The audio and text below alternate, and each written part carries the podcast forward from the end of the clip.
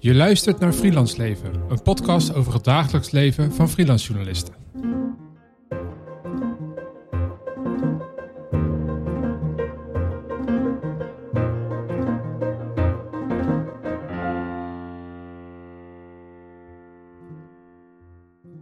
Ja, voor mij is het freelance leven ontzettend onvoorspelbaar. Is het uh, heel druk, soms super stressvol. Uh, maar ook enorm uh, interessant en verslavend. En het is iets waar je uh, eigenlijk continu strijd mee levert met jezelf en met de maatschappij. Um, en dat kan heel bevredigend zijn. Maar ook enorm onbevredigend. Het is een enorme, contradictie. Dat is het, het freelance leven voor mij. Ik zit hier met Sanne Poot. Jij bent freelance journalist. Kan jij vertellen wat je allemaal doet? Uh, nou, dat is heel divers. Ik noem mezelf eigenlijk over het algemeen mediamaker. maar ik ben wel journalist. ik heb die naam ooit gekozen omdat ik stage liep tijdens mijn studie journalistiek bij NOS op 3. Mijn functieomschrijving was daar mediamaker. En ik vond dat heel prettig, want ik kon dan video's maken. ik ben afgestudeerd als, cam als camerajournalist, als cameo. Maar momenteel schrijf ik eigenlijk meer en ben ik ook meer mensen in het journalistieke vak aan het begeleiden dan dat ik uh, nog zelf filmpjes maak. Uh, ik doe dat nu voornamelijk voor Open Rotterdam. Dat is de lokale omroep van Rotterdam. Ik ben daar projectleider van een project waarbij we met burgers, Rotterdammers, journalistiek maken. Zij sturen ons dan beelden op en wij zoeken daar dan wederhoor bij en gaan daar een journalistiek product van maken. ik ben ook eindredacteur daar en ik kijk dan artikelen na uh, ik ben ook eindredacteur geweest bij AD. En ik schrijf daarnaast ook verhalen voor Vers Beton. En het, wisselt een beetje. En heel af en toe doe ik ook uh, ja, commerciële klussen ernaast. en dat kan dan zijn in de social, social media, copywriting, dat soort dingen. Ja, echt een freelancer die van alle markten thuis is. Ja, ja, eigenlijk wel. Ik ben een heel erge generalist wat dat betreft. Voor de luisteraar die dat uh, nog niet weet, ik ben Ern van het Hof. En ik doe op dit moment een promotieonderzoek naar de arbeidsomstandigheden van freelance journalisten in Nederland. En in deze podcast behandel ik elke aflevering een, een paper of een onderzoek wat ik gebruik voor mijn eigen onderzoek. En daarvoor ben ik deze keer met Sanne afgereisd naar Tilburg. Uh, want we behandelen deze keer de Media Freelancers Corona Monitor 2020. En in Tilburg zit Henk Vinken. En is een van de auteurs van dat onderzoek. Henk, kan jij, kan jij vertellen uh, wie jij bent, wat je doet en natuurlijk wat het onderzoek is?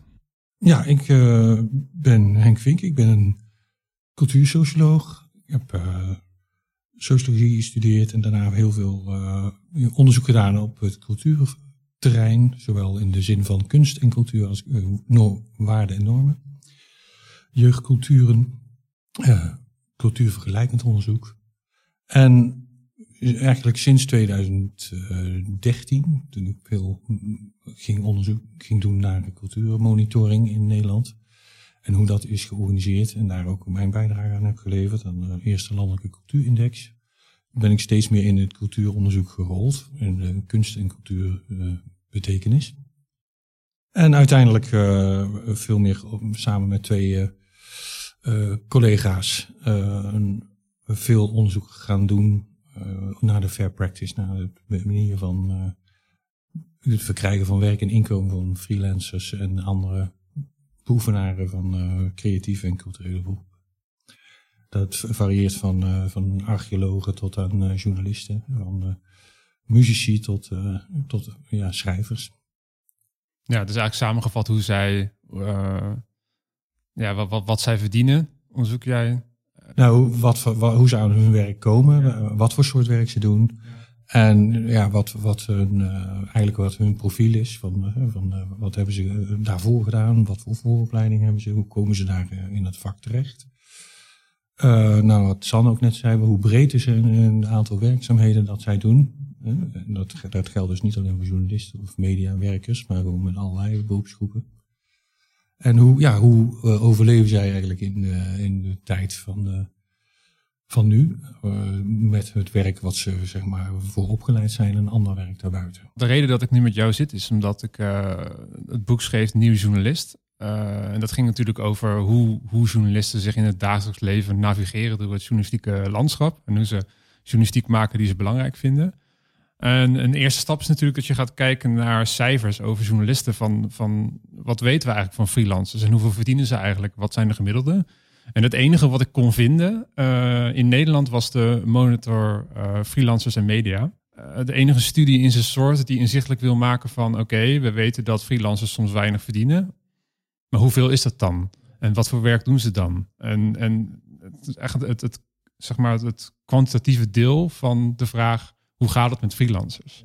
En je maakt het meetbaar door er cijfers aan te, te koppelen. Ja, ja nou, ik moet wel zeggen, van, dat vind ik ook wel belangrijk om te zeggen. Uh, die coronamonitor heb ik met, uh, samen met Hans Marien gemaakt. Ja. En uh, met hem en met Teunis Eidens vormen wij een soort driemanschap wat veel onderzoek doet naar werk en inkomen van beroepsbeoefenaren in de creatieve sector. Maar Teunis is ook echt de grondlegger van dit soort type onderzoek. Ja. En hij heeft eerder, ik denk in 2003 zo'n beetje, onderzoek gedaan, of 2009 ook nog eens, uh, voor de NVA naar uh, journalistiek en, en hun profiel werkzaamheden, en inkomen. Was dat het onderzoek dat heette uh, Een ongewist bestaan? Ja, dat klopt. Met ja. een beetje een morbide titel. Ja, ja, ja. ja. Maar dat is in feite, ja, dat, dus wij, bouwen, wij hebben daarop voortgebouwd en ook de verschillende monitors weer herhaald. En ook daar weer keuzes in gemaakt van wat voor accenten zou je tegenwoordig leggen en wat zou je nu vragen aan mensen. En ook wel weer geprobeerd zoveel mogelijk door de tijd vergelijkbare dingen te doen. Dat is natuurlijk altijd de uitdaging. Soms zijn er weer nieuwe ontwikkelingen, maar je wil ook weer terug kunnen kijken van hoe waren ontwikkelingen door de tijd. Ja, wat ik nu zou willen doen is, het onderzoek heeft een aantal uh, kopjes. Uh, bijvoorbeeld het gaat uh, over de werkzaamheden die journalisten hebben, de inkomsten die ze hebben, hoe ja. ze de toekomst zien, uh, hoe corona hun, hun werkzaamheden heeft beïnvloed. En nou ja, Sander zit hier natuurlijk niet voor niks. ik wil eigenlijk steeds aan jou vragen, Henk, van wat zijn nou jouw, jouw kwantitatieve, er zit wel wat beetje kwalitatief werk in, maar vooral kwantitatieve bevindingen. En dan wil ik vooral aan Sander vragen van, van jij als freelancer die ja, het freelance leven leeft, mhm. hoe, hoe, beschouw je dat dan in de dagelijkse praktijk? Hoe, hoe, reageer jij zelf op die, uh, die cijfers? Ja. heel interessant. Ik ben ook wel even om te beginnen alvast benieuwd van, dus dat, dat corona, corona monitor zit dus echt ook gelijk al in de naam. Ja. Uh, wanneer hadden jullie door van dit wordt dit jaar geen normale uh, ja. vragenlijst, zoals, we het al, zoals we hem altijd doen? Ja, ja, dat, ja, we hadden echt wel het idee dat. Uh, nou, er was, er was, laat ik het eerlijk zeggen, ook wel wat twijfel over of, het, zeg, of corona nou effect had voor de journalistiek. Omdat je kan op zich, zou je zeggen, uh, blijven schrijven, je kan dingen blijven maken, je kan opnames doen, je interviews, je, je kan ook met andere technieken dan, hè, misschien niet in de persoonlijke nabijheid. ene kant, zeg maar, van de, van de die dacht, nee, dat, dat heeft eigenlijk misschien weinig effect voor mensen die zich bijvoorbeeld uh, in bepaalde specialisme zeg maar, eh, manifesteren, op internet. Met anderen zal het misschien wel heel veel uitmaken, maar niemand die het precies wist. En om nou weer een standaard vragenlijst van uh, wat verdien je en wat voor werk doe je en wat is je profiel en hoe kijk je naar de toekomst. ja, dat zou eigenlijk toch een hele rare toestand zijn in een situatie dat, dat mensen gewoon serieus met het virus te maken hebben, met de effecten daarvan. Dus hebben we wel extra vragen proberen te bedenken, ook op basis van andere onderzoek waar we al bij betrokken waren. En uh, om te kijken of dat uitmaakte. En ik heb het gevoel dat er best wel wat opvallende dingen in, uh, in staan. Uh, kijk, voor muzici hebben we dat ook gedaan, voor een aantal andere groepen. En dan is het evident, je, die kunnen niet optreden. De theaters zijn dicht, de, de, de zalen zijn dicht, er mogen geen festivals worden georganiseerd, behalve in Zandvoort. En dat, dat is dan, dat is een, dat is voor een, een evident uh, dat je daar effecten gaat zien. Uh, bij de journalistiek viel, viel het eigenlijk op dat het, dat het ook effect heeft gehad. Wat mij betreft in een aantal uren dat mensen minder hebben kunnen werken. Maar ook, en ook, dat is dan misschien wel weer uit het kwalitatieve deel, ook wel uh, dat er heel veel opdrachten zijn weggevallen. En bepaalde opdrachten ook echt. En dat kwam ook echt mooi naar voren. Ja, we gaan zo meteen gaan we daar, gaan we daar opkomen. Uh, vooral, dat gaat vooral over het soort werkzaamheden en de impact van corona natuurlijk erop. Ik wil het eerst even hebben over het profiel, want het is een enquête geweest, dit onderzoek. Uh, zou je iets meer kunnen vertellen over, over die enquête? Wie heeft er gereageerd? Wat is eigenlijk de groep die geanalyseerd is? Nou, wij, wij vragen altijd aan de NVA en aan de Auteursbond om hun leden te benaderen, om mee te doen aan een enquête over de over werk en inkomen. Dat doen we jaar in jaar uit. Dat hebben we nu ook gedaan. En wij krijgen dan bij ook ondersteuning van Lira en Pictorite, dus die collectieve beheersorganisaties, om hun aangeslotenen uh, ook te benaderen. En daar zit een flinke overlap in, maar ja, misschien dat er toch via één kanaal mensen eerder reageren dan via een ander. En we laten eh, de organisaties zelf ook publiciteit maken van doe mee. En dan, krijgen, dan kunnen mensen meedoen via een soort externe link. Of ze nou lid zijn of niet. Uh, om aan het uh, vragenlijstonderzoek mee te doen. En uh, ja, we hebben nu eigenlijk wel ongeveer dezelfde groep als een doorgaans ben, kunnen benaderen. en die, we hebben wel iets meer oudere journalisten gereageerd dan normaal.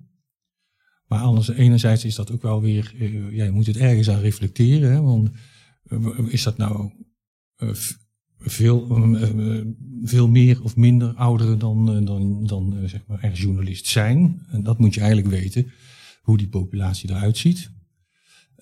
wie zijn er eigenlijk journalisten in Nederland? Nou, dat, dat, wordt niet bijgehouden, dat weet eigenlijk niemand. Dus wat je doet, je vergelijkt dat met het ledenbestand van de NVA, het ledenbestand of de aangesloten van LIRA bijvoorbeeld, of van de Auteursbond. En dan komt het wel redelijk overeen. Uh, nou, het is wel iets, we zijn wel iets ouder dan, dan gemiddeld bij de NVA. Ja, de gemiddelde leeftijd van de ondervraagde is 56 jaar. Ja, normaal is het 51. En ja. dan, dat is ook natuurlijk best wel hoog. En natuurlijk zijn er, zijn er ook jongeren meegedaan, gemiddelde. Maar het is ouder dan, dan je zou verwachten. Zeg maar. maar het is niet ouder dan, zeg maar, dan de gemiddelde aangeslotenen bij een Lira. Dat is op zich wel logisch bij mensen. Naarmate wat langer uh, actief zijn, gaan mensen zich aansluiten bij een collectieve beheersorganisatie om auteursrechten op te pikken. Maar in het begin is dat ook nog niet zo heel erg relevant. En uiteindelijk, naarmate mensen ouder worden, wordt dat ook vanzelfsprekender. Dus dat is wel verklaarbaar dat daar ook wel meer oudere mensen zitten. Tegelijk ja, is het qua man-vrouw verdeling gewoon zoals het uh, als, als in de ledenbestanden. Ook uh, wat ik ook wel belangrijk vind uh, qua woonplaats. Dus in de vier grote steden, dat is 40 procent. En 60 procent werkt daarbuiten. En dat is bij de leden van NVA ook zo. Dus, het is eigenlijk best een goed, geeft gewoon een goed beeld van, uh, van als je, als je de journalistenpopulatie beperkt tot de leden van de NVA en Auteursbond, Lira en Pictorites. Ja, 60% van de respondenten was man.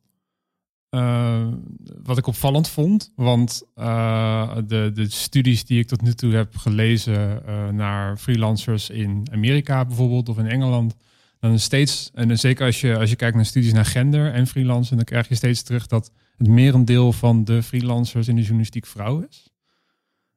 Waarom, Waarom denk je dat dat hier zo niet zo is? Of? Nou, misschien is dat wel een groeiend uh, aandeel. Dat kan natuurlijk. Maar er blijft er nog steeds een uh, groot aandeel uh, ja. mannen en die freelancen. Ja. Dus en kijk, ook nog eens, het zijn niet uit, we benaderen mensen die freelancen, maar dat zijn niet mensen die uitsluitend freelancen. Er zijn ook mensen die nog daar ander, binnen de media misschien nog iets anders doen. Mm. En ook mensen die daar buiten nog dingen doen. Ja. Eh, die bijvoorbeeld voor zoveel uren uh, nog uh, freelancen. Dus uh, daarmee, ja, dat is het uitgangspunt van iedereen die freelance, die kan meedoen aan het, aan, het aan het onderzoek. Iemand die niet uitsluitend iets anders doet, die, die, die valt vanzelf af, zeg maar. Ja. Sander, welke indruk maakte die sample op jou? Ja, ik had wel het idee in mijn omgeving dat er veel meer vrouwen en, en, en jongeren toch ook nog wel actief zijn in de journalistiek. Maar als je kijkt dan naar het ledenbestand van de NVA of van uh, Lira, dan merk ik ook als ik praat met collega's dat die vaak niet eens doorhebben dat de vakbond bestaat of dat er iets is als Lira of, als er, of een auteursbond. En dat als ik zeg, joh, uh, ik ben lid, dat is heel handig, want ik heb mijn algemene voorwaarden bijvoorbeeld uh, gewoon gekopieerd van de vakbond. Zitten ze me zo aan te kijken, algemene voorwaarden. Die stuur ik eigenlijk niet eens. Ja. Oeh, er is zo enorm veel te winnen bij een eh, groep jonge journalisten die eh, nog beginnen en vaak eigenlijk Ja. niet eens doorhebben dat dit soort instanties bestaan. Eh, dus wat dat betreft vond ik het heel verklaarbaar dat die doelgroep, dat, de, Ja. dat de mensen die gereageerd hebben wat ouder zijn en voornamelijk man. Nou, dat vond ik op zich nog wel. Dat ik dacht, de mensen die ik spreek binnen de vakbond zijn over het algemeen ook vrouw. Dus dat ik dacht, hmm, eh, ja, het is wel, wel bijzonder dat die achterblijven. Ja, Misschien maken ja. die dan toch sneller, ja, minder snel zo'n vragenlijst af of zo. Ja. Ja, ja, ja, maar goed. Ja, op zich is die represent- of zeg maar, de vergelijking met eh, het ledenbestand en wat hier eh, gereageerd heeft, best goed. Dus blijkbaar zijn er toch nog steeds ook meer mannen lid dan, dan vrouwen. Ja, dus En- als er vrouwen ja. luisteren, dan. luisteren En ze zelfs daarbinnen, we benaderen natuurlijk dan inderdaad wat oudere mannen, zou je kunnen zeggen. Mhm. Daar, zelfs daarbinnen zie je een ontwikkeling. Dat de bekendheid met eh Lira, Pictorite, NVA, Auteursbond, dat dat toeneemt. Dus dat, eh, eerst was het een behoorlijke groep die niet eens wist dat, dat, dat die bestonden. Zeg maar. Dat die eh Pictorite of Lira. En dat, is bijna de bekendheid. Dus ik denk ook wel een soort alertheid voor, voor jouw inkomen. Waar bestaat het eigenlijk uit? Ook uit auteursrechten. Dat dat ook iets is wat steeds sterker toeneemt. Ook bij, denk ik ook wel bij jongere mensen. Ik hoop het, het zou heel hoopvol zijn. Ja, we hadden, we hadden, San en ik hadden toevallig onderweg hier naartoe al even over van, van eh, over het Lira. Dat Ja. heel veel mensen in mijn omgeving niet eens weten dat het bestaat. Ja, Ehm, dat had ik ook. En dat is denk ik, hè, kan je daar geld voor krijgen later voor als je stukken al gepubliceerd zijn? ja, ja, het komt eigenlijk heel plat op neer dat, dat, dat eh, je, je kan je aanmelden bij het Lira. Het Lira verzamelt jou. eh, ik denk Henk, ik denk dat jij dat beter weet dan ik. Eh, die, hoe heet het precies? Ja, die verzamelt eigenlijk de stukken waar je eh, eh, auteursrechten op Ja, waar kunnen het recht op hebt. En dit, En- dat is eigenlijk een, een, het is een verdelingsorganisatie. Dus je kan je stukken aanmelden en dan Ja. kan je aan het eind van het jaar krijg je dan eigenlijk geld wat eigenlijk al van jou was. Eh, dat krijg je dan voor de stukken, wat heel vaak in het journalistieke wereldje wordt gezien als gratis geld. Zeg maar, zo, zo zie je dat op sociale media dan voorbij komen, maar eigenlijk is het gewoon geld waar je altijd al recht op had, wat het Lira dan, dan verdeelt. Mhm. Het is wel opvallend dat heel veel Ja. mensen dat helemaal niet weten, dat Ja. dat eh, kan. Nou, dat is bijvoorbeeld wel een interessante, even een bruggetje misschien naar een andere beroepsgroep. Ja. Omdat eh, dat geldt ook heel erg voor acteurs. Eh, dat daar, daar is de bewustzijn van dat je ook auteursrechten hebt. En een recht hebt op, een, op zeg maar, het succes van, waar je, van de film of het stuk waar je in hebt gestaan. Ja. Dat je daarin mag delen. Dat is, eh, de bewustzijn is echt toegenomen. Tegelijk kan het ook een eh, nadelig effect hebben. En daarom is het zo belangrijk dat we dat monitoren. Op het, op het vaste inkomen. Dus als jij een vaste vergoeding krijgt, dan kan een producent tegen je zeggen, ja, maar jij krijgt straks, Ja. krijg jij nog ver- vergoeding voor, hè, als dit een enorm succes wordt. Ja. Dus we kunnen jouw dagtarief, zeg maar, of uurtarief, kunnen we bescheiden houden of zelfs verlagen. En Dat, dat gebeurt ook echt.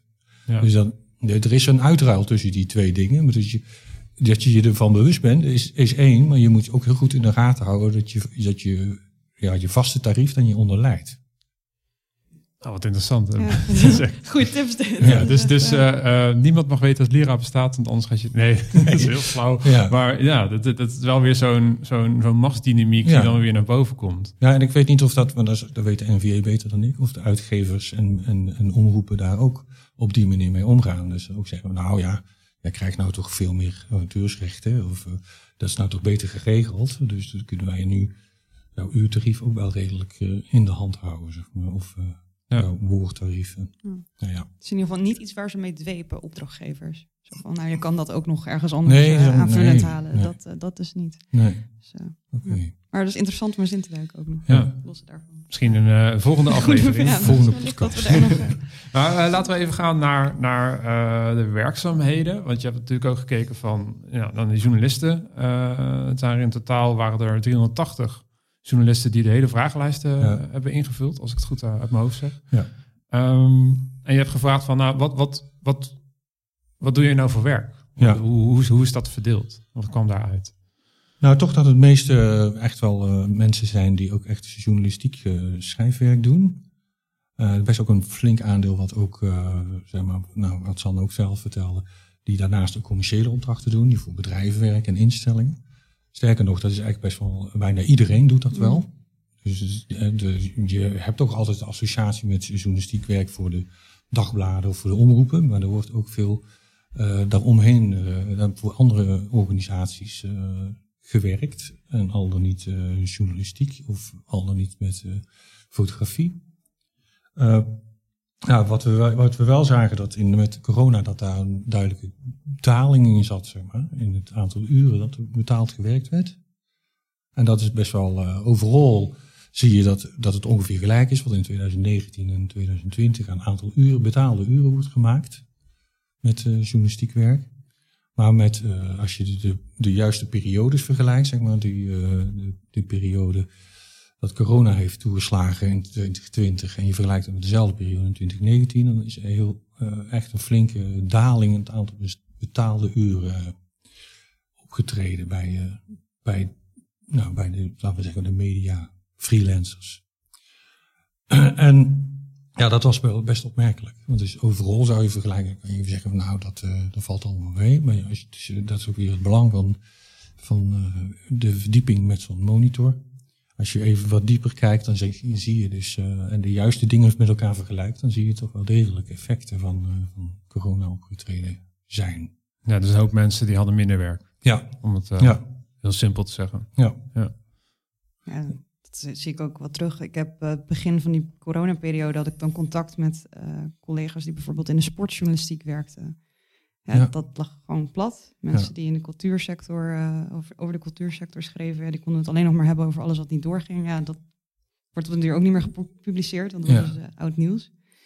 Die hebben het wel echt zwaar gehad. Ja, ja en ook zijn, zijn ook bepaalde, ja, bepaalde sectoren, dus inderdaad voor bedrijven, dus daar, ook veel, daar werd ook veel minder voor gewerkt. Uh, ook wel voor die publiekstijdschriften. Ik denk dat daar heeft, daar heeft ook die journalistiek rondom sport en rondom uh, cultuur. Maar ook reizenbranche natuurlijk. Uh, natuurlijk ook een, mensen, veel mensen die daarvoor schrijven.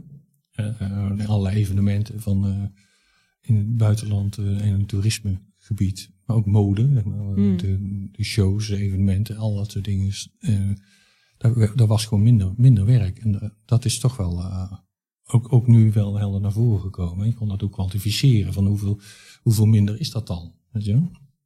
En dat, uh, dat heeft er toch ook wel ingehakt. We het straks wel over inkomen. Maar ook het aantal uren werk, zeg maar, is duidelijk betaald uren is gedaald. En je zou dan denken, nou misschien zijn ze wel onbetaald verder veel aan het werk geweest. Maar dat, dat is eigenlijk niet zo. Dus het is niet gecompenseerd met een extra uren onbetaald maken.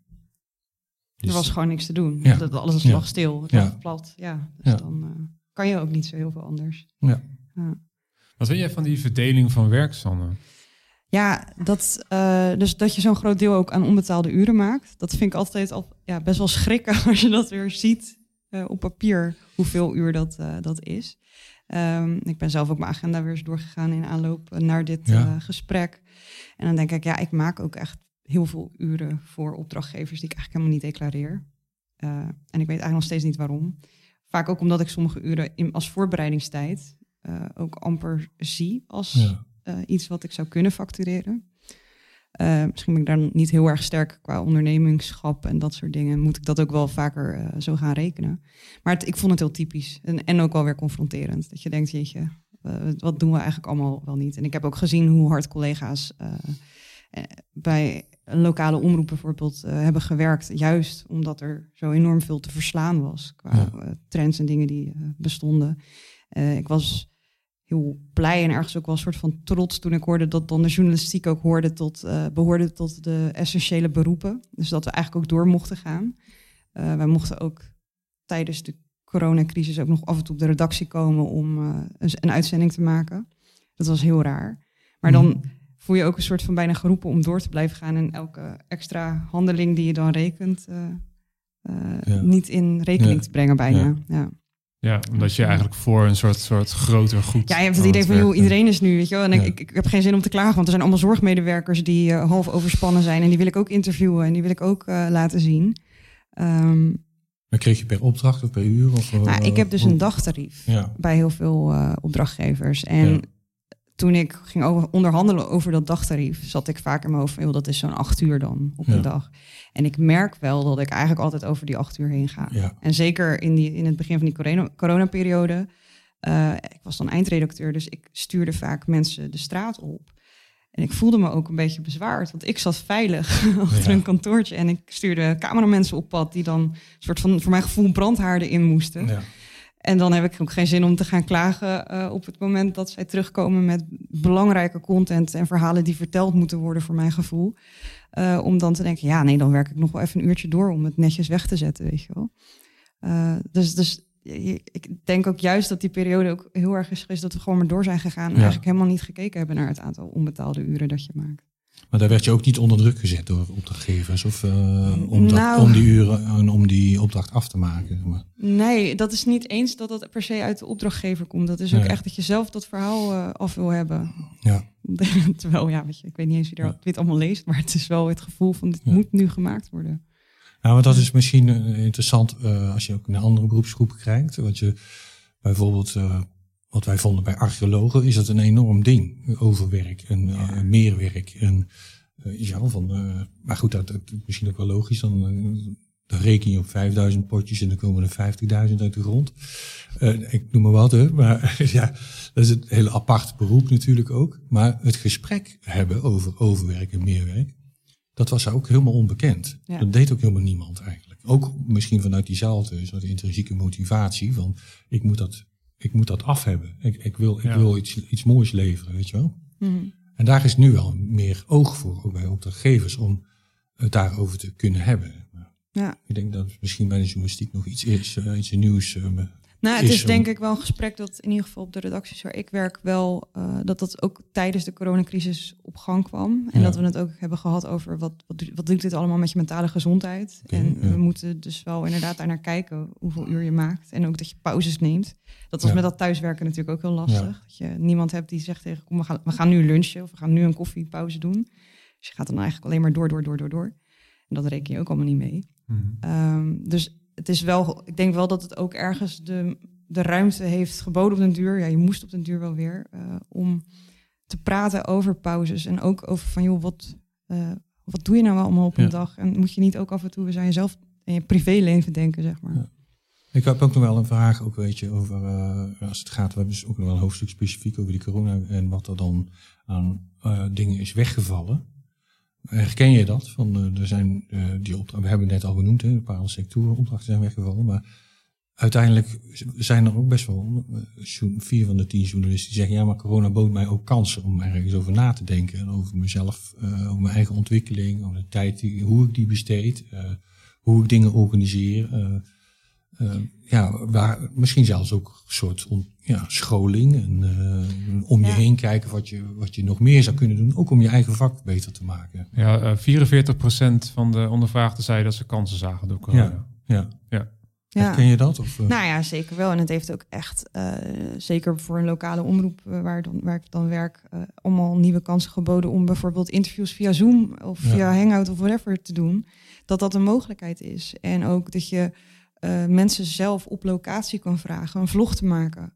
En die beelden te kan gebruiken. Dus het is qua creativiteit en uh, heeft het echt enorm veel mogelijkheden geboden. Want je kwam ineens ook weg met beeldmateriaal dat misschien wat schokkeriger was. Uh, en uh, ja, minder professioneel oogde. Maar het was wel op de plek zelf, weet je wel, waar iets gebeurt. Dus die wil die beelden laten zien. Weet je wel, mensen die een filmpje maken vanuit een ziekenhuis met een telefoon. Dat, dat, dat konden we ook ineens journalistiek gebruiken. Ja. Dus wat dat betreft heeft het heel veel creativiteit gebracht. Um, maar het zet je ook wel weer aan tot nadenken van, joh, we moeten ook niet zorgen dat straks al de cameramensen verdwijnen, weet je wel. Dat er ook weer, uh, dat je werk in gaat nemen van andere mensen. Uh, maar het biedt, het biedt kansen. Het, het is, uh, je wordt er creatief van, van dat soort ja, momenten.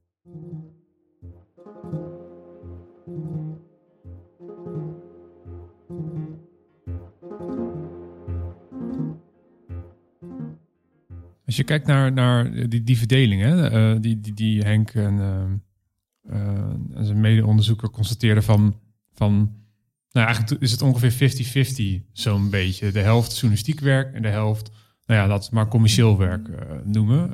Is dat, vond je dat opvallend? ik vond dat niet opvallend. Ik vond dat wel, ja, dat klopt denk ik wel ook met wat ik zie met conculega's, zoals ja. we dat ook nog wel vaak noemen dat bijna iedereen er commerciële klu- klussen Ja. naast doet. Ik heb zelf wel echt het geluk gehad dat ik in 2020 heel veel journalistiek werk kon doen. Ehm, maar ik merkte wel dat dat allemaal toch allemaal best wel slecht betaald is. Ja, En dat ik dan toch wel zit te denken van, joh, wat voor commerci- eh, ja, commerciële klussen kan ik hierbij doen die dan nog enigszins leuk zijn, zodat het, eh, ja. zodat het ernaast nog een beetje te rijmen is. Geef eens een voorbeeld van iets erbij wat jij leuk vond. Ehm, Vanuit eh, commerciële ja, ik heb eh, een klus gedaan nu voor de gemeente waarbij ik eh, nou, het begin heb gemaakt met interviews voor een boek over GGD-medewerkers. Nou, dat is dan vanuit de ge- gemeente die wilde Ja. dat zelf uit gaan brengen. Nou, dat, dat is Ja. nog iets waarmee ik bezig ben. En dat vind ik een leuke klus, omdat het ook nog een soort van meerwaarde heeft voor mijn gevoel om dat als tijdsdocument neer te zetten. Ja. Ehm, ik, vind het, ik heb ook een klus gedaan waarbij ik teksten schreef voor een eh, programma die mensen eh, op stadsverwarming over wil laten gaan. Nou, ja, dat zijn hele droge Oh ja. teksten. Eh, maar het idee dat mensen dat misschien lezen en weet je wel, een soort van groenere stap maken, er zit dan nog, nog een soort van half Ja. ideologisch iets bij. Dat je denkt, nou, dat is wel, dat heeft wel meerwaarde, dat werk. Om misschien een beetje context als het gaat, wat je nu zo vertelt. Want we hebben ook in een ander verband met onderzoek naar fair practice ook wat groepsgesprekken gehad. Ook met mediawerkenden en allerlei andere groepen, maar media mensen onder elkaar, fotografen en journalisten. En dan werd er eigenlijk, bijna iedereen zei dat, van de, zeg maar, de journalistieke opdrachten, daar, doen, daar, is, daar is de betaling eigenlijk eh, slecht. Gewoon om het eh, maar gewoon normaal Nederlands te gebruiken. En we, zijn er verplicht om die commerciële opdrachten erbij te doen. En daar is eigenlijk altijd zonder mokken wordt dat betaald. Ja, En dat, dat is een, en dan dat zet je aan het denken, want alles wat een beetje een beroep doet op die intrinsieke motivatie, daar kunnen ze op een of andere manier met laag tarief wegkomen. En alles wat een beroep doet eh, ja, op gewoon een, ja, gewoon, gewoon, ja, een inzet, zeg maar, voor een, eh, voor een bedrijf wat zelf ook eh, commercieel kan denken, daar, daar, daar, daar is daar helemaal geen kwestie. Daar staan die tarieven ook niet zo heftig onder druk. Je ziet dat ook hier in, in, in het onderzoek, hè, van de Ja. uurtarieven. Bij degenen die voor de journalistieke media werken, daar ligt er maar op 40 euro, gemiddeld op 60. En de mensen die voor bedrijven en organisaties werken, ligt op 90 euro per uur. Dat is een totaal, eh, dat is echt drie keer zoveel. ja. Dus, dus dat is echt wonderlijk eigenlijk. Die, dat er zo'n soort uitruil is tussen waarom je iets maakt hè, en, de tarief, en, en, en het tarief. En, eh, daar moeten we nog dieper over nadenken hoe, hoe we dat ooit in beeld brengen. Ja. Maar ik denk dat daar ook wel een deel van de spanning zit, zeg maar, van het vertegenwoordigen van journalisten naar eh, mediabedrijven toe. Want je, eigenlijk zeg je van eh, jullie moeten meer betalen. Maar de, de groep doet het toch voor, dat, voor Ja. het lagere bedrag, omdat het intrinsiek gemotiveerd is. Zeker. Ja, en dat is ook iets waar ik Of Echt. een maatschappelijk doel heeft. Ja, en, zit, dat is, en ook dat, dat mensen, het, het is ook echt wel leuk werk ja, vaak. En dat maakt het ook heel lastig, want ik merk dat veel eh, collega's ook het idee hebben van, joh, het is een voorrecht dat ik dit mag doen. ja, Dus, eh, en, en er is een hele grote groep mensen die in de journalistiek wil werken. Dus het voelt ook een beetje voor mij tien anderen. ja, Eh, dus ja, ik kan nu wel moeilijk gaan doen. Maar ja, iemand anders die gaat toch eh, voor 15 euro per uur eh stukjes stikken. Ja, dat, ja, dat is wel frustrerend. Ik probeer wel af en toe ook inderdaad met collega's dat gesprek aan te Ja. gaan. Ook over tarief. Ik merk dat dat überhaupt dat gesprek aangaan over hoeveel Ja. verdien je. Dat blijft nog iets wat een taboe sfeer heeft. Ja. Ehm, dus ik probeer dat vaak wel erin te gooien van, nou ja, oké, ik krijg 200 euro per dag daar en daar. En dan is het, wow, dat is eigenlijk wel weinig. Ja, maar Ja. Dat, is, dat is nog veel, want de meeste Ja. mensen verdienen er- daar minder eh, Ja. dan ik. Ehm, en dat het dus, ja, dat idee dat je dus allemaal elke- keer individueel moet onderhandelen Ja. over die prijs, ja, dat eh, slaat gewoon terug op freelancers zelf. ja. ja. Ehm, ja, en, en dat je dat collectiever zou kunnen aanpakken, dat is gewoon iets waar mensen volgens mij totaal niet over nadenken. Nee. En, Ja. hoe, en hoe dan is inderdaad nog een kwestie. Ja. Ja, we hebben natuurlijk al een beetje een bruggetje gemaakt naar de tarieven. Heel- Ja. Ehm, en wat ik heel opvallend vind, was eh, inderdaad die bijna verdriedubbeling van het gemiddelde tarief Ja. als je niet journalistiek werk doet.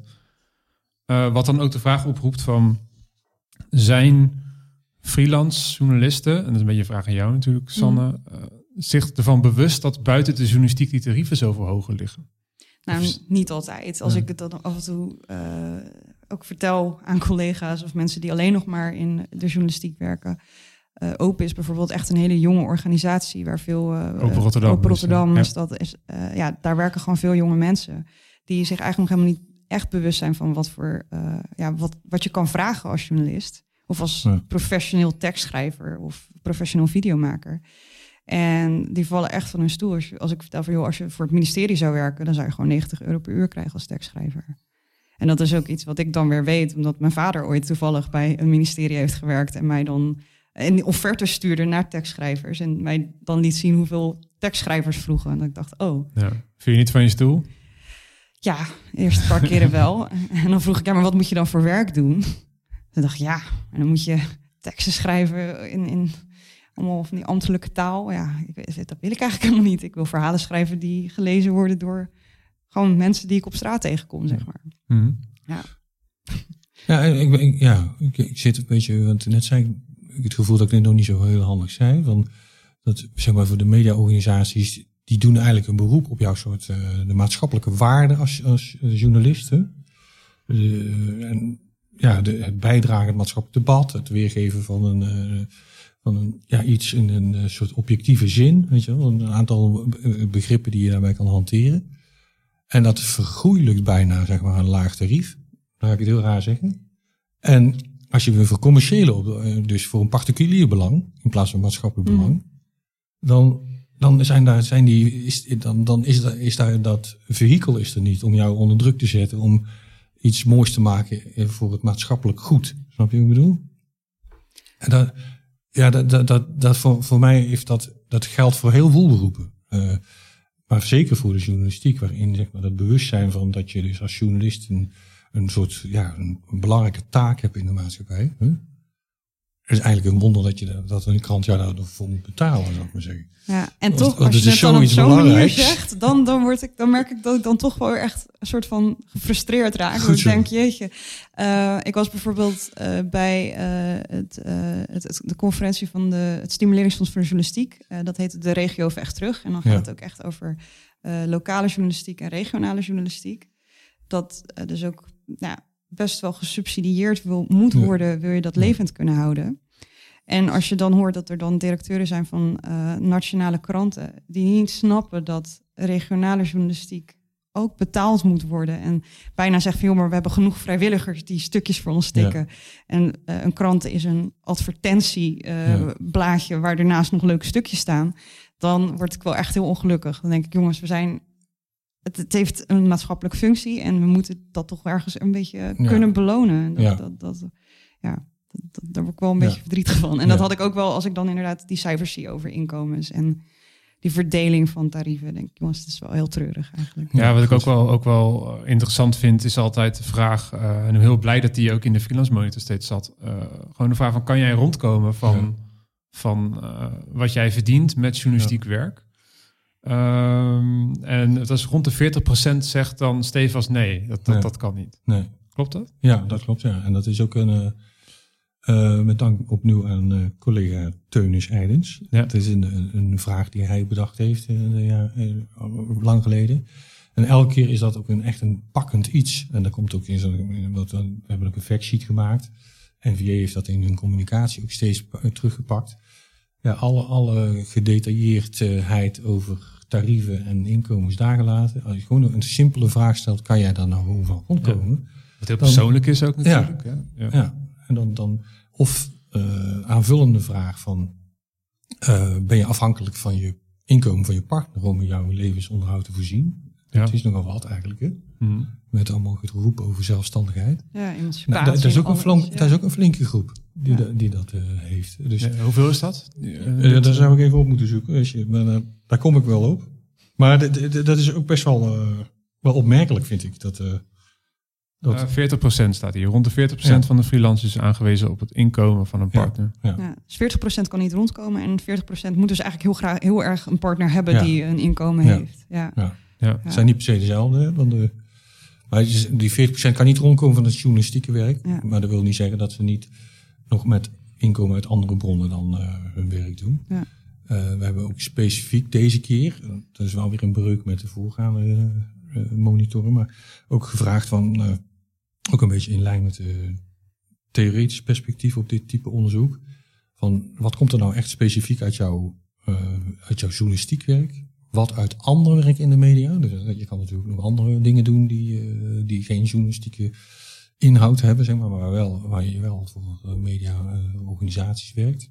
En wat daarbuiten. Dan, dat passen wij toe op allerlei beroepsgroepen. En dan zie je, dat, dan zie je dat er ook bij, bij de journalisten dus toch behoorlijk nog een aantal inkomensbestanddelen van buiten de journalistiek komen. En dan, maar desondanks zijn, kan je zeggen, van in 2019 was het inkomen redelijk gemiddeld, als je bij de landelijke bevolking ook ziet, zeg maar, gemiddeld, als je naar het CBS kijkt. Maar in 2020 was het duidelijk lager. Dan zit je rond 28.000, me niet vergis. Ja. En gemiddeld zit het op 32, soms zelfs uh, afhankelijk van je definitie. Ja, dat is een bruto, uh, 32.000 euro bruto ja. jaarinkomen gemiddeld. En, dan, en dan natuurlijk wel, dit is natuurlijk wel een wat oudere groep. Ja. En, en ik ben ook heel benieuwd hoe dat, hoe dat dan echt met uh, beginnende journalisten zit. Ja. Ja. En waarschijnlijk is dat veel, veel lager, dat jaarbedrag. Dus dat valt natuurlijk niet nu uit de uh, nee. enquête op te maken. Nou, dat zou een extra analyse zijn. Die deden we wel altijd voor die uh, monitor van media freelancers. Die regulieren. Dan keken we ook naar achtergrondvariabelen. Maar nu ook omdat de groep niet zo heel groot is hebben dat, en ook niet zoveel budget had. Hebben we dat gewoon beperkt gehouden. Wat was dat in andere jaren dan? Als je keek naar jongere journalisten? Uh, nou, dat maakt, het, dat maakt het toch niet zo heel veel uit. Er zijn heel weinig verschillen tussen uh, de jongeren en ouderen. En, maar dat wil dan ook zeggen dus dat het tarief eigenlijk niet zoveel stijgt als je uh, langer werkzaam bent? ja, dat is wel hoger, maar ja. het is niet heel erg enorm veel hoger. Ja. Zo moet je eigenlijk even. Ja, daar gaan we nog. Daar gaan we nog over dat het ooit nog beter wordt. ik kan beter die directeur worden misschien. Die, ja. Na mij de zonvloed. ja. Ja, de, de, reden dat ik dit zo wil bespreken is uh, ook voor een luisteraar die nu, uh, die nu in de gordijnen hangt. is niet om mensen uh, bang te maken, maar vooral dat het heel. Dit soort cijfers en ook, ook, ook jouw reflecties uit de praktijk, zal geven heel erg een eerlijk beeld van hoe het is om in de journalistiek te werken. Mm. Ja. Dus het, het, achter, achter die, die, die wereld van cijfers zit heel veel. ja, een soort snijvlak tussen, tussen passie voor het vak uh, maar daardoor een slechte onderhandelingspositie hebben. Uh, ander werk willen doen, maar niet willen doen wat je echt belangrijk vindt. Er zit heel veel, heel veel emoties zitten bij kijken. Dat, wat, wat, wat invloed heeft op, ja. Ja, op heel je dagelijks leven. Mm Ja, en wat wij, daar hebben wij het al eerder eh, volgens mij over gehad. Het, is, uh, het gaat.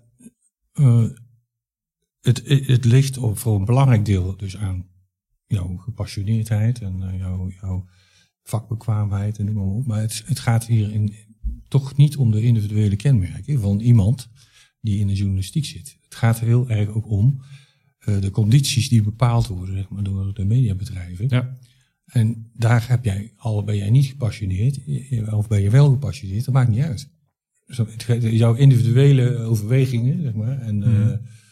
uh, strategieën, dat is voor een deel eigenlijk heel relatief als je het vergelijkt met dat de playing field bepaald wordt door ja, grote mediabedrijven die nog steeds niet relevant vinden om mensen fatsoenlijk te betalen. Want die, waarvan ze wel een hele grote maatschappelijk, waar ze wel een hele grote maatschappelijke opdracht aan geven. En ook dat ze eigenlijk amper ruimte bieden tot individuele onderhandelingen. Terwijl het lijkt alsof dat, uh, weet je wel, als je als, als freelance journalist, dat je zo naar een krant kan stappen en zeggen van joh, ik wil voor dit, uh, ik wil hier een artikel over schrijven en ik wil er 350 euro voor. Dus hebben een woordprijs. Ja. ja. en het kan, je hoort af en toe dan wel verhalen van mensen, ja nee, het lukt wel als je dat gesprek aangaat. Nou ja, ik word als ZZP'er ook nog heel vaak van het kastje naar de muur gestuurd. En dan zeggen mensen, ja, nou ja wij gaan daar niet over. Daarvoor moet je bij de financiële uh, afdeling zijn. En je hebt gewoon een woordprijs. Ja, meer kunnen we niet echt bieden. Ja, misschien kan je een uur extra schrijven of zo. Ja, ja. ja dat is... Uh, ja, en daarom, dat is ook dat individuele onderhandelen. Dat zagen wij ook bij muzici. Die, die moeten daar ook in, zich in bekwamen. Sommigen kunnen en willen dat ook helemaal niet.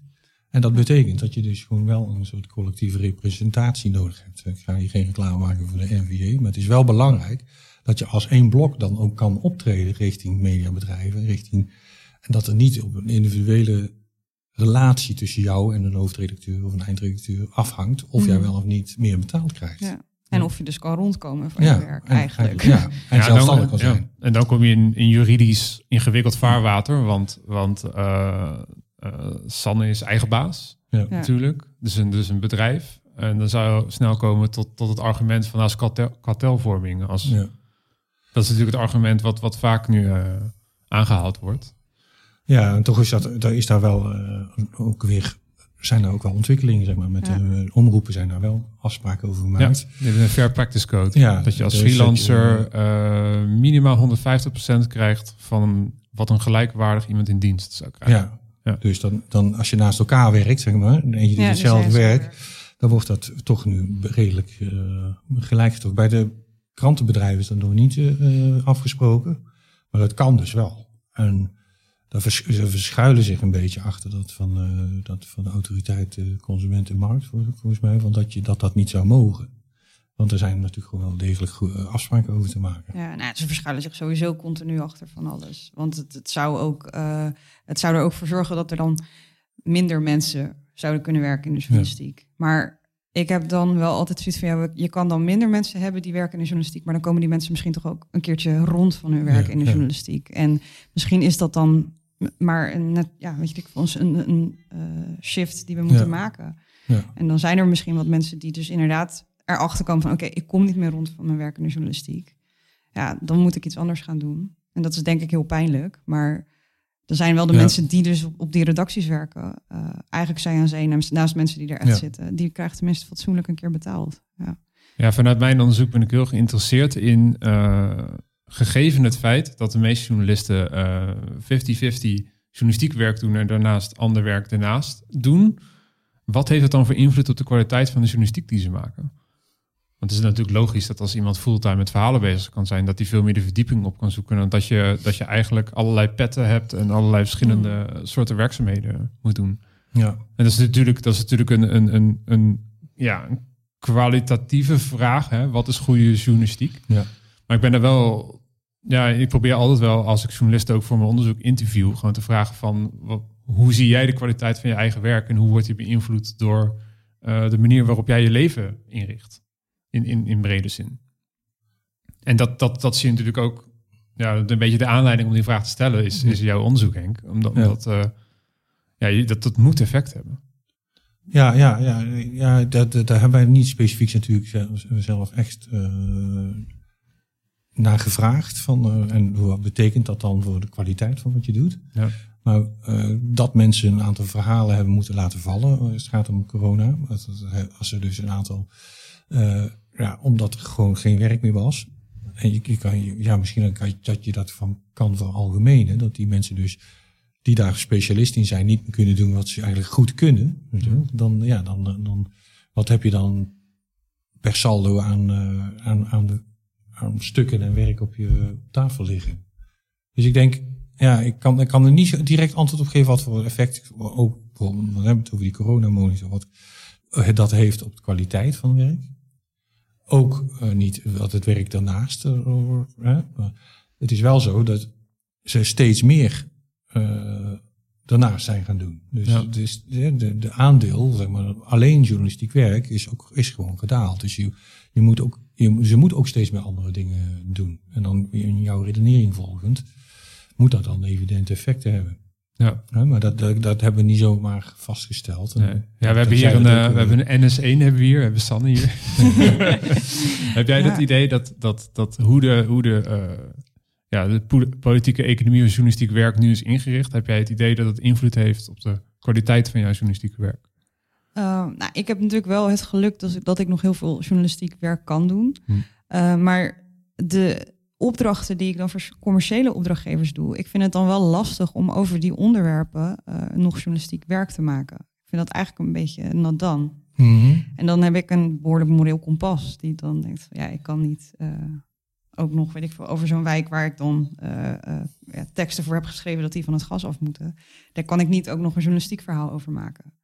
Want dat bijt voor mijn gevoel. Ja. Dat kan niet. Ja. Um, maar er zijn vast mensen die dat wel doen. En dat, dat lijkt me heel lastig. Uh, en dat zal je echt wel terugzien. Dat merk ik ook aan mensen die dus andere klussen doen. Die zeggen, joh, ik ben hier eh, voor een zorginstelling eh, geweest. Hartstikke leuk. Kunnen we daar niet ook nog een item of een artikel aan wijden? Ehm, dus dat botst. Dat gaat wel verangende belangen op, eh, opleveren. Ja, En eh, ja, ik maak me wat dat betreft eigenlijk nog meer zorgen over de hele status van de journalistiek op dit moment. Die dus amper meer ruimte biedt voor onderzoek. Maar eigenlijk alleen nog maar bezig is met scorende koppen en eh, ja, even de aandacht trekken van een, eh, een lezer of een kijker. Nou, je ziet ook wel andere ontwikkelingen natuurlijk. Hè. Er wordt Ja. steeds meer subsidiegeld eh, is er nu beschikbaar voor, eh, voor journalistiek. Je ziet allerlei eh, onderzoekscollectieven ontstaan van mensen, freelancers eigenlijk, die ja. nog steeds eh, ja, diepgravende journalistiek willen maken. Echt, eh, je hebt Investigative Desk en je hebt Investico. Follow the Money is natuurlijk een klassiek voorbeeld Ja. eh, inmiddels eh, daarvan. Ik vroeg me ook af, ehm is natuurlijk niet gevraagd in de, in de enquête, de, de, de hele, de hele subsidie- en fondsenwereld, waar ook heel veel journalistiek van wordt gemaakt, die, die is niet echt meegenomen hierin. Kan je daar wel iets over, eh, vanuit, Ehm. misschien vanuit je onderzoek naar muziek? eh, Ehm, nou, wat, wat, één wat dingetje wat we wel eh, daar hebben gevraagd is er eh, ook vanuit de NVA en de Auteursbond zijn er ook wel steunfondsen opgezet hè, voor de corona. Ja, en ja. daar, ja, daar wordt ook wel wat gebruik van gemaakt, maar niet ook heel erg superveel. Eh ja, ik heb geen vergelijking door de tijd of wat dan ook, of wat is veel, wat is weinig. Maar dat, dat, is wel, dat is het enige zeg maar, wat, daar, wat daar wel eh, zeg maar in, de, in de enquête van terecht is gekomen. Van, eh, wat voor subsidies en fondsen zijn er waar die jou als journalist kunnen steunen in de, in de coronatijd. Een andere, eh, ja, we hebben dat niet als standaard bron zeg maar, van inkomsten eh, Ja. meegenomen. Nee. Ja. Dat zou, dat zou misschien wel een overweging waard zijn om dat in het vervolg te doen. Maar wat, ja, dat is. eh, Ja, ik ben nu, ik ben nu een, eh, een paper aan het schrijven over, eh, ja, dus over subsidieverstrekkers in, in Nederland. En, eh, en vooral hoe subsidieverstrekkers zelf kijken naar de journalistiek. Want dat beïnvloedt natuurlijk wat voor soort journalistiek zij kunnen steunen. En daarvoor ben ik ook door de jaarverslagen heen aan het gaan. ja, Eh, en dan kan je natuurlijk gewoon met naam en toenaam gewoon precies zien van zoveel geld gaat naar zo'n soort productie. En ik denk dat dat wel interessante inzichten in kan leveren. Want dan kan je natuurlijk in kaart brengen van oké, er is subsidie aan journalistiek. Eh, wat voor soort journalistiek krijgt de meeste subsidie? Ehm, en ook eh, hoe groot is het aandeel van die subsidie van het totale, het totale inkomsten die een journalist heeft gehad ja, voor dat werk. En dan zie je het toch wel vaak dat de subsidieverstrekker ja, het grootste deel voor zijn rekening neemt. Terwijl die verhalen dan toch weer bij, bij grote uitgevers terechtkomen. Hmm. Dus daar is natuurlijk ook wel een interessante eh, Ja. spanning. Nou, maar ik zou het ook heel praktisch te denken aan wat zeg maar, het aandeel in, in het inkomen van een indiv- individuele journalist. Kijk, is het toch denk ik het werk voor de mediaorganisaties, voor bedrijven, eh, internet. En eh, zeg maar het aandeel eh, wat je verkrijgt uit, van subsidiegevers, ik denk dat dat sowieso wel bescheiden is, zou mijn inschatting zijn. We hebben dat niet gevraagd, maar ik zou, zou dat zo inschatten van, ja, dat zijn misschien voor bijzondere journalistieke producties. Er zijn, er zijn er wel een aantal mensen die in de prijzen vallen, zeg maar. Maar de, de meesten moeten het gewoon hebben van regulier werk voor, de- voor een mediaorganisatie, een krant, een omroep. Ah, die omroepen zijn in principe ook gewoon deels gesubsidieerd. Ja, ja, Een sowieso. beetje geredeneerd, ledengeld. Ja. Ja. Nou, je hebt bijvoorbeeld Investico, die, die eh, de- volgens mij het, het grootste deel van de middelen die komen van Audecium, een filantropische eh, Ja. hulporganisatie. Of eh, misschien zeg ik het niet helemaal goed, maar een filantropische organisatie. Eh, je hebt eh, in de Investigative Desk, die hebben ook eh, veel subsidie gehad voor de verhalen die ze maken. En ook bijvoorbeeld van het KWF hebben zij eh, geld gehad voor verhalen over de tabaksindustrie. Ja, Dus je ziet wel dat soort geldstromen eh, zorgen er wel voor dat bepaalde journalisten ja. Mm. eh journalistiek Misschien, kunnen ja, maken. ja, Ja, misschien nieuwe collectieven die je bedoelt Ja. wel. Ja.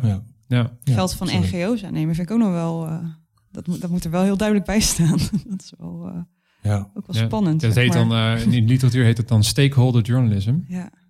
Dus dan krijg je eigenlijk geld van, ja, de, de- het KWF heeft er belang bij natuurlijk, Ja, dat er onderzoek gedaan wordt naar de tabaksindustrie. En dan is het idee natuurlijk van, nou, journalisten doen gewoon, gewoon zo objectief als dat kan, doen zij onderzoek. En ja, dan kan je er donder van zeggen dat, Ja.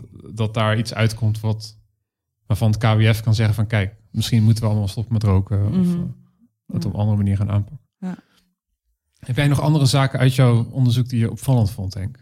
Uh, ja, dat is uh, dat gewoon meer dan 90% van de mensen gewoon als journalist door wil gaan. Ja. Ondanks alle uh, Ja, de hele- stress en uh, corona-perikelen. Uh, eigenlijk iets minder uh, dan, dan regulier, zeg maar. Ja. Dus van 95 naar 93 of zo. Maar echt iedereen uh, wil als journalist door. En een enkeling die wil zich omscholen tot iets Ja. anders. 1% was dat. Ja, maar dan zijn er ook nog mensen die wilden zich wel omscholen, maar dit erbij blijven doen. Ja, of precies. journalistiek Ja. eh, als vak blijven doen. Ja. Dus dat vind ik echt een. eh, ja. Kijk, er is natuurlijk heel veel pessimistisch nieuws over de corona te vertellen. En een beetje optimistisch is over de kansen hebben we het over, over gehad. Die het bood. Biedt, want volgens mij zijn we er nog niet helemaal vanaf. Maar eh, ook het feit dat eh, journalist, journalisten dus blijkbaar dusdanig gemotiveerd zijn om door te gaan hoe, eh, hoe moeilijk dat soms ook is. Het is een beroep, hè. En het, het is wel ook echt eh, ja, journalist zijn. Dat, dat wil je, dat, dat, ja, als je er aan begint en je, je rolt erin eh, en het pakt je, dan ga je dat ook niet zomaar loslaten, denk Ja. ik. Dat is ook heel moeilijk. Ik denk die scheiding met journalistiek, dat, dat, willen heel veel mensen niet. Dat wil ik ook niet. Ik wil er eigenlijk ook gewoon in door blijven gaan. Ook al is het zo ellendig. En ja, ik kom dus nog, nog wel rond. eh, maar ik zat er wel aan te denken, ik heb wel eh, huursubsidie bijvoorbeeld. Dus indirect ben ik ook wel gewoon afhankelijk nog ergens van de staat om eh, me te ondersteunen zodat ik een dak boven mijn hoofd kan, Ja. kan hebben. Ja. Ja. dat is wel. eh, Ja, dat, dat, zie je, dat, dat, dat, dat zie je in alle literatuur, in alle, alle enquêtes, alles in alle westerse landen terugkomen. Hè? Dat, dat mensen willen journalist blijven. Ja, Het, al die percentages zijn altijd boven de 90 procent. ja. Ehm, ondanks de, de precaire financiële situatie waar ze vaak eh, Ja. in verkeren. Ja. Ja, wat, het, wat het dan ook misschien weer in stand houdt. Ja, dat wordt ja, wordt dus heel het gauw is heel een soort van ingewikkeld. zelfkastijding ergens ook. Maar ja, en ook toch elke keer ook wel de hoop van misschien verbetert het ooit. ja. En eh, het werk wat je doet, dat, dat voelt belangrijk. Dus dat, eh, daar ga je ook niet zomaar mee stoppen. Ja. Ja, het, het is, eh, het, klinkt een beetje een slotwoord van opa. Maar wat wij voor Platform ACT hebben, wij ook de arbeidsmarkt culturele creatieve toekomst, hebben wij ook een soort handleiding, handreiking geschreven van wat moet je nou doen om dan ook te zorgen dat je inkomen als creatieve maker, maar, dat je daar eh, in vooruit komt. En ja, daar is ook heel erg op het individu gesneden. Jij moet da- moet daarvoor zorgen, daarnaar kijken, die onderhandeling. Maar tegelijk hebben we daar ook eh, een. Dat gaat heel erg over de individuele stappen die je moet zetten. Tegelijk eh, vind ik het heel belangrijk om ook te zeggen: ja, dat krijg je gewoon niet voor elkaar als we niet met z'n allen samen een aantal dingen aan de kaak stellen. En daar ook eh, de juiste organisaties zeg maar, aanspreken op hun verantwoordelijkheid. En dat niet alleen als individuele journalist probeert te blijven eh, ja, vechten tegen de bierkaai. Want dat blijft het dan gewoon.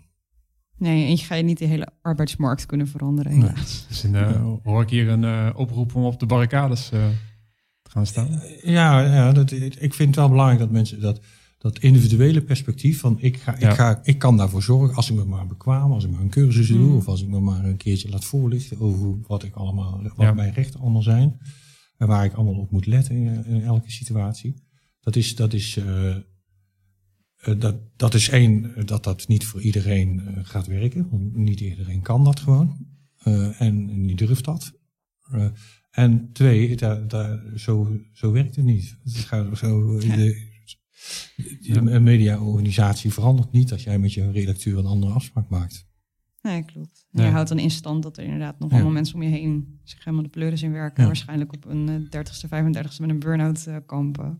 Ja, en dan, en dan de journalistiek verlaten. Hè? Dat, Ja. dat, dat Ja. eh, gebeurt ook.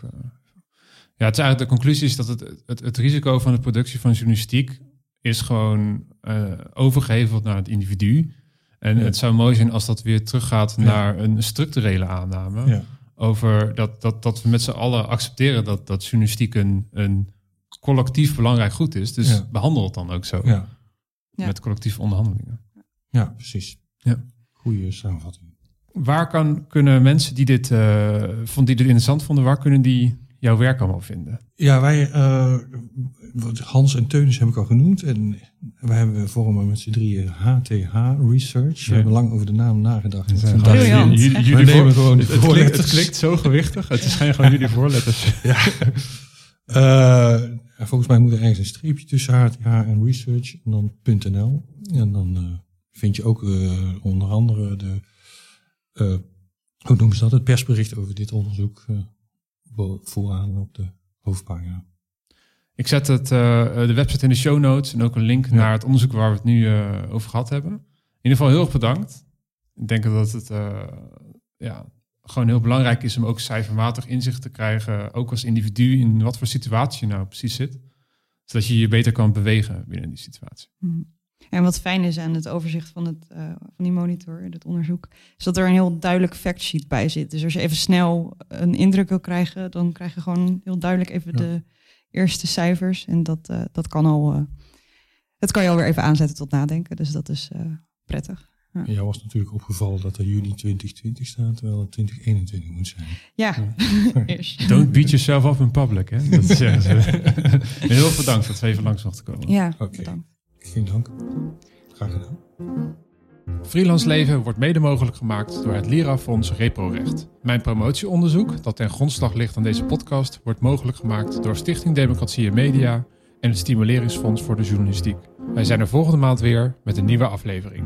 Tot dan!